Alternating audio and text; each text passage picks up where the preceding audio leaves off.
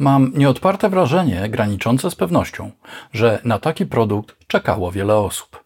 Mamy kompletny system bezprzewodowy z 32-bitową rejestracją dźwięku, co w zasadzie wyklucza jakiekolwiek przesterowania. Zapis kodu czasowego SMPTE, własne i zewnętrzne mikrofony, funkcje dyktafonu i futerał, który także pełni rolę ładowarki i koncentratora USB-C. Tomasz Wróblewski, 0db.pl. Co tydzień znajdziesz tu nowe testy, prezentacje i porady z zakresu produkcji muzycznej i pro audio, a także felietony bez kompresji i dekonstrukcje znanych utworów. Takie opisywanie, co znajdziemy w pudełku, zwane też unboxingiem, zwykle bywa sztampowe i nudne, ale nie mogę sobie odmówić przyjemności opisania tego, z czym mamy do czynienia w Wireless Pro. Zapraszam.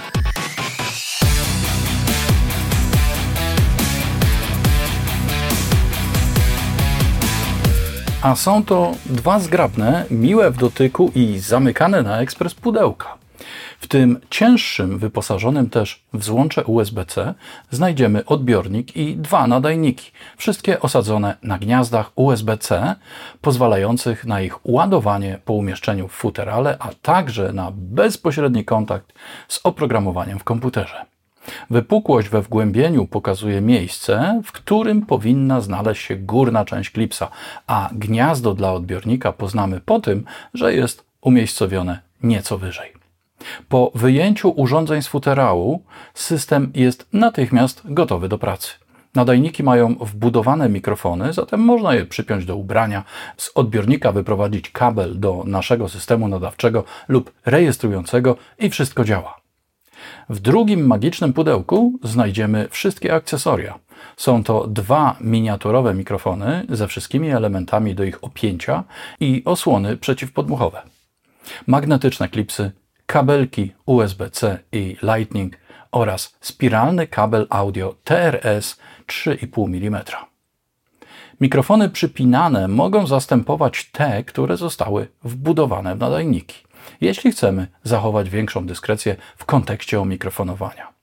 W tym momencie nagrywam całość z jednoczesnym użyciem mojego standardowego DPA 4060 Core oraz całego systemu Rode, w tym ostatnim przypadku rejestrując dźwięk 32-bitowo w wewnętrznej pamięci nadajnika. Od czasu do czasu będę się między nimi przełączał, między mikrofonem Rode a mikrofonem DPA, by można było usłyszeć różnicę. Zarówno odbiornik, jak i nadajniki można mocować za pomocą klipsów, jak też bezpośrednio do stopki aparatu czy kamery. Jeśli z jakiegoś powodu nie można użyć klipsa, wtedy na docisk nakładamy stalową nasadkę, dzięki której możemy zamocować urządzenie magnetycznie. O ile nasadkę zakłada się bardzo sprawnie i wygodnie, o tyle z jej zdjęciem jest już trochę problemów, bo trzyma się mocno. W każdym razie swoje zadanie spełnia doskonale, pozwalając bezinwazyjnie przymocować sprzęt na przykład do odzieży, korzystając z dołączonego magnesu neodymowego. Odbiornik jest dwukanałowy, mogąc pracować w trybach z wyprowadzeniem torów na oddzielnych kanałach, zmiksowanych do kanału lewego i prawego oraz w trybie bezpieczeństwa, kiedy lewy kanał jest głównym, a prawy alternatywnym z poziomem o 10 dB mniejszym. Samo wyjście analogowe może być przełączane do różnych trybów poziomu sygnału z manualną regulacją co 3 dB, do współpracy ze słuchawkami, i do współpracy z zestawem nagłownym. Wtedy mikrofon tego zestawu może być wykorzystany jako źródło sygnału pojawiające się na wyjściu prawego kanału odbiornika, ale tylko w formie cyfrowej przez USB. Generalnie warto się zapoznać z komutacją wyjść, która zależy od tego, z ilu odbiorników korzystamy i czy używamy mikrofonu z zestawu nagłownego w tej tabeli oznaczonego jako RX Mic. Wszystkie te komutacje obowiązują w trybie split, czyli z podziałem na lewy i prawy kanał. Zamiast mikrofonu nagłownego można użyć na przykład mikrofonu przypinanego, gdy osoba nagrywająca prowadzi też całą audycję, ale musi to być mikrofon z wyjściem TRRS. Jak zawsze w przypadku tego typu złączy jest z tym trochę zamieszania, bo producenci nie dopracowali się jednolitego systemu połączeń mikrofonów z nadajnikami i wciąż obowiązuje ich co najmniej kilka. Konfiguracji takich rzeczy jak parowanie z nadajnikami, wybór trybu dynamiki z automatyką lub bez oraz wyboru poziomu wyjściowego dokonamy bezpośrednio w odbiorniku, angażując także przycisk zasilania w nadajnikach. W przypadku bardziej zaawansowanych ustawień można, a nawet warto, użyć programu Road Central. Tu wygodnie ustawimy tryby wyjścia i jego poziomy, także z uwzględnieniem presetów dla konkretnych modeli aparatów. Przypiszemy dodatkową funkcjonalność przycisku FI, który standardowo pełni rolę włącznika, a także zdefiniujemy funkcjonalność audio dla nadajników. Mamy do dyspozycji standardową ręczną regulację czułości oraz dwa tryby regulacji automatycznej auto, gdy nie wiemy, jaki będzie poziom sygnału i trzeba go będzie kompensować, albo Dynamic Gain Assist, kiedy to kompensacji dokonuje się w bardziej cywilizowany sposób. Posłuchajmy, na czym polega różnica. W tym momencie nagrywany sygnał nie podlega żadnej automatyce czułości, więc dźwięki będą zachowywały oryginalne proporcje poziomów. Teraz aktywuję tryb auto, w którym mamy kontrolę maksymalnych poziomów sygnału na zasadzie limitera.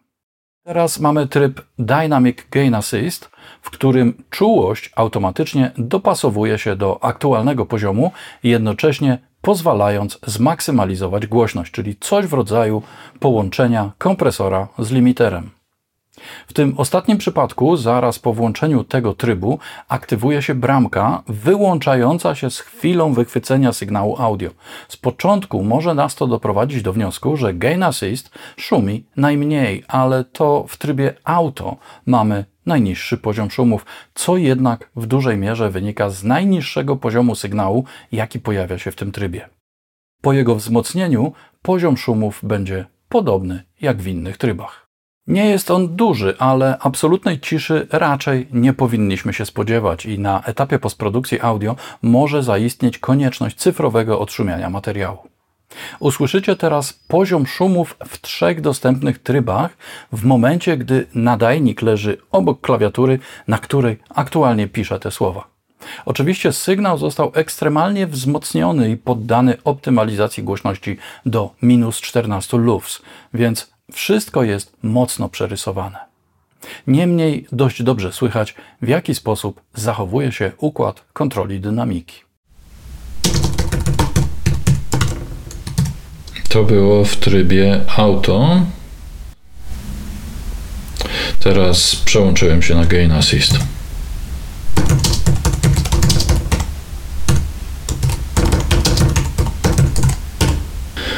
Teraz przełączam się na tryb standardowy z regulacją czułości z poziomem maksymalnie plus 30 dB.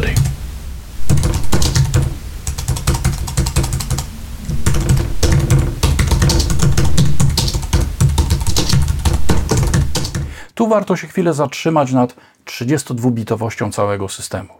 Wbudowane w nadajnikach rejestratory pozwalają zapisywać dźwięk po wciśnięciu przycisku nagrywania. Rejestracja dokonuje się do postaci 32-bitowego pliku WAVE bez jakiejkolwiek ingerencji dynamiki Gain Assist.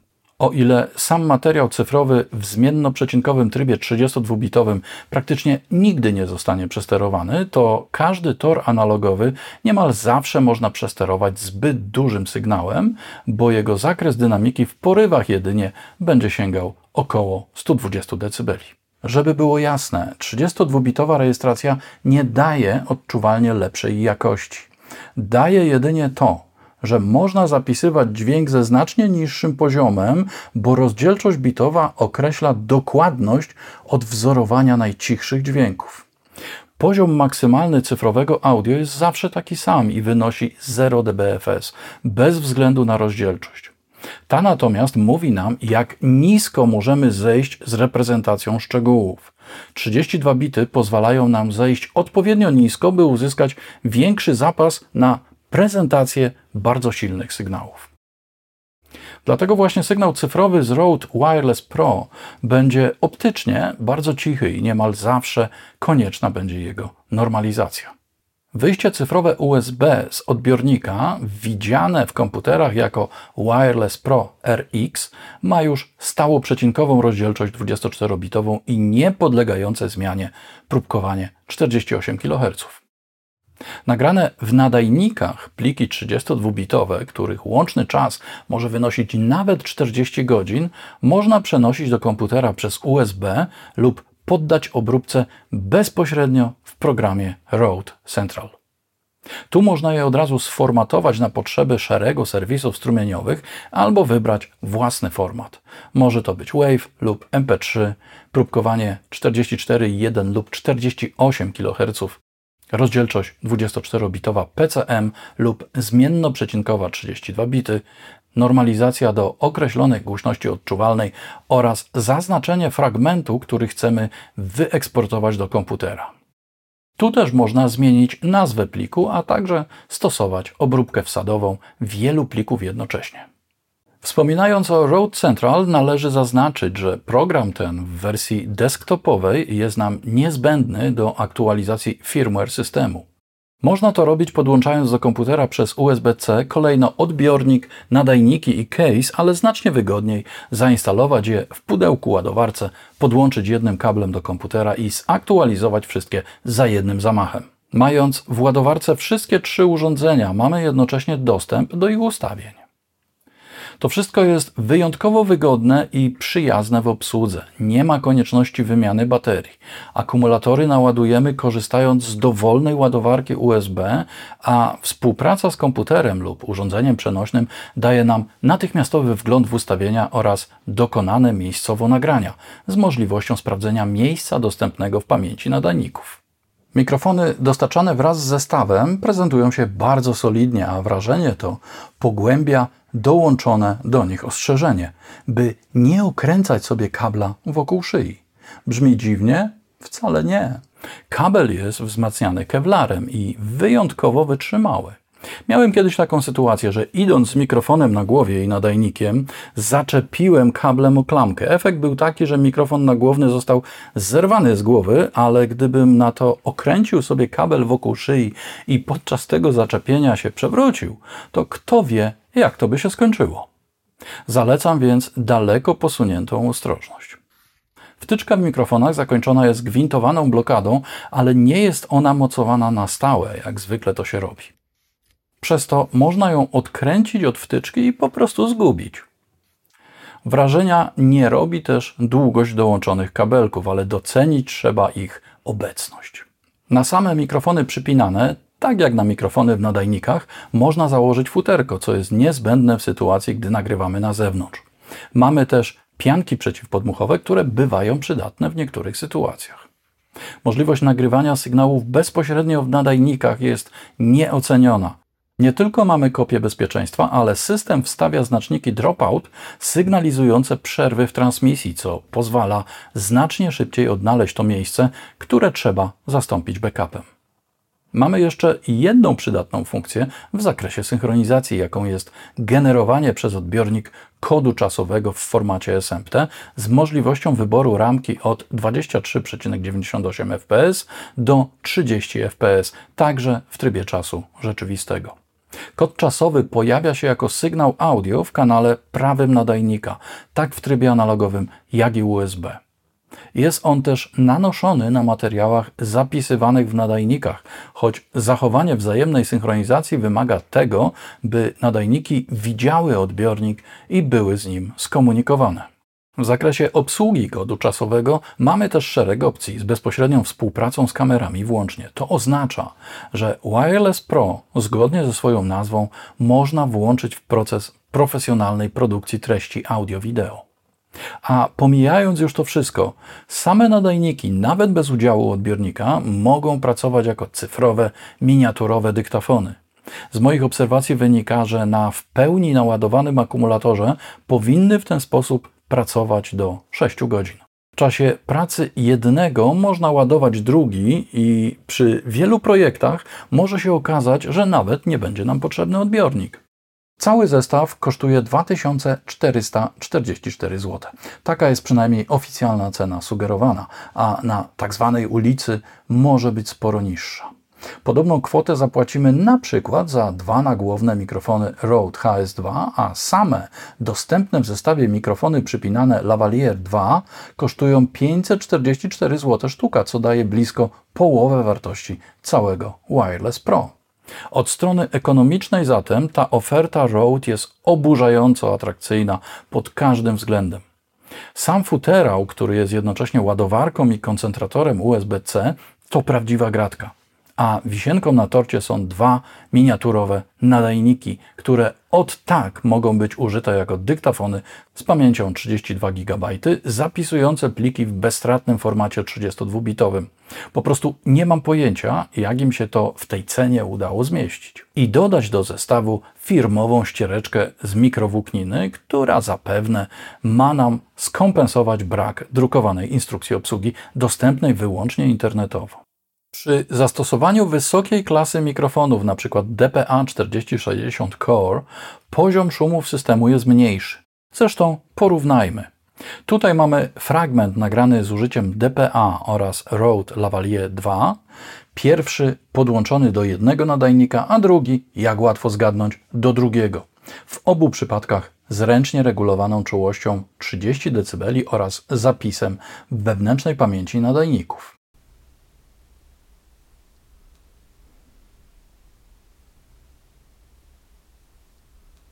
Mikrofony znajdują się w tym samym miejscu, a do nagranych sygnałów została zaaplikowana identyczna obróbka 20 dB wzmocnienia oraz normalizacja do minus 14 dB lufs.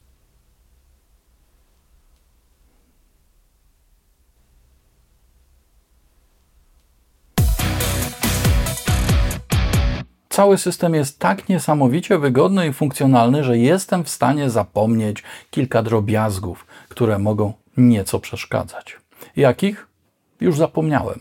Ale zdaje się, że chodziło o gwintowaną blokadę wtyczki mikrofonu, kłopot z dostępem do przycisku nagrywania przy nałożonym futerku, problemy ze zdejmowaniem magnetycznego klipsa i pobicie rekordu świata w krótkości kabelków USB. Ale są żeby nie było, że nie ma. Poza tym spójrzcie, czy to nie wygląda apetycznie, zwłaszcza gdy wiemy, że mamy w tych dwóch pudełeczkach gotowy do pracy ultrakompaktowy i wyjątkowo funkcjonalny dwukanałowy system bezprzewodowy z mikrofonami i 32-bitowymi rejestratorami. Który to system na pewno pozwoli trzymać się 0 dB. PL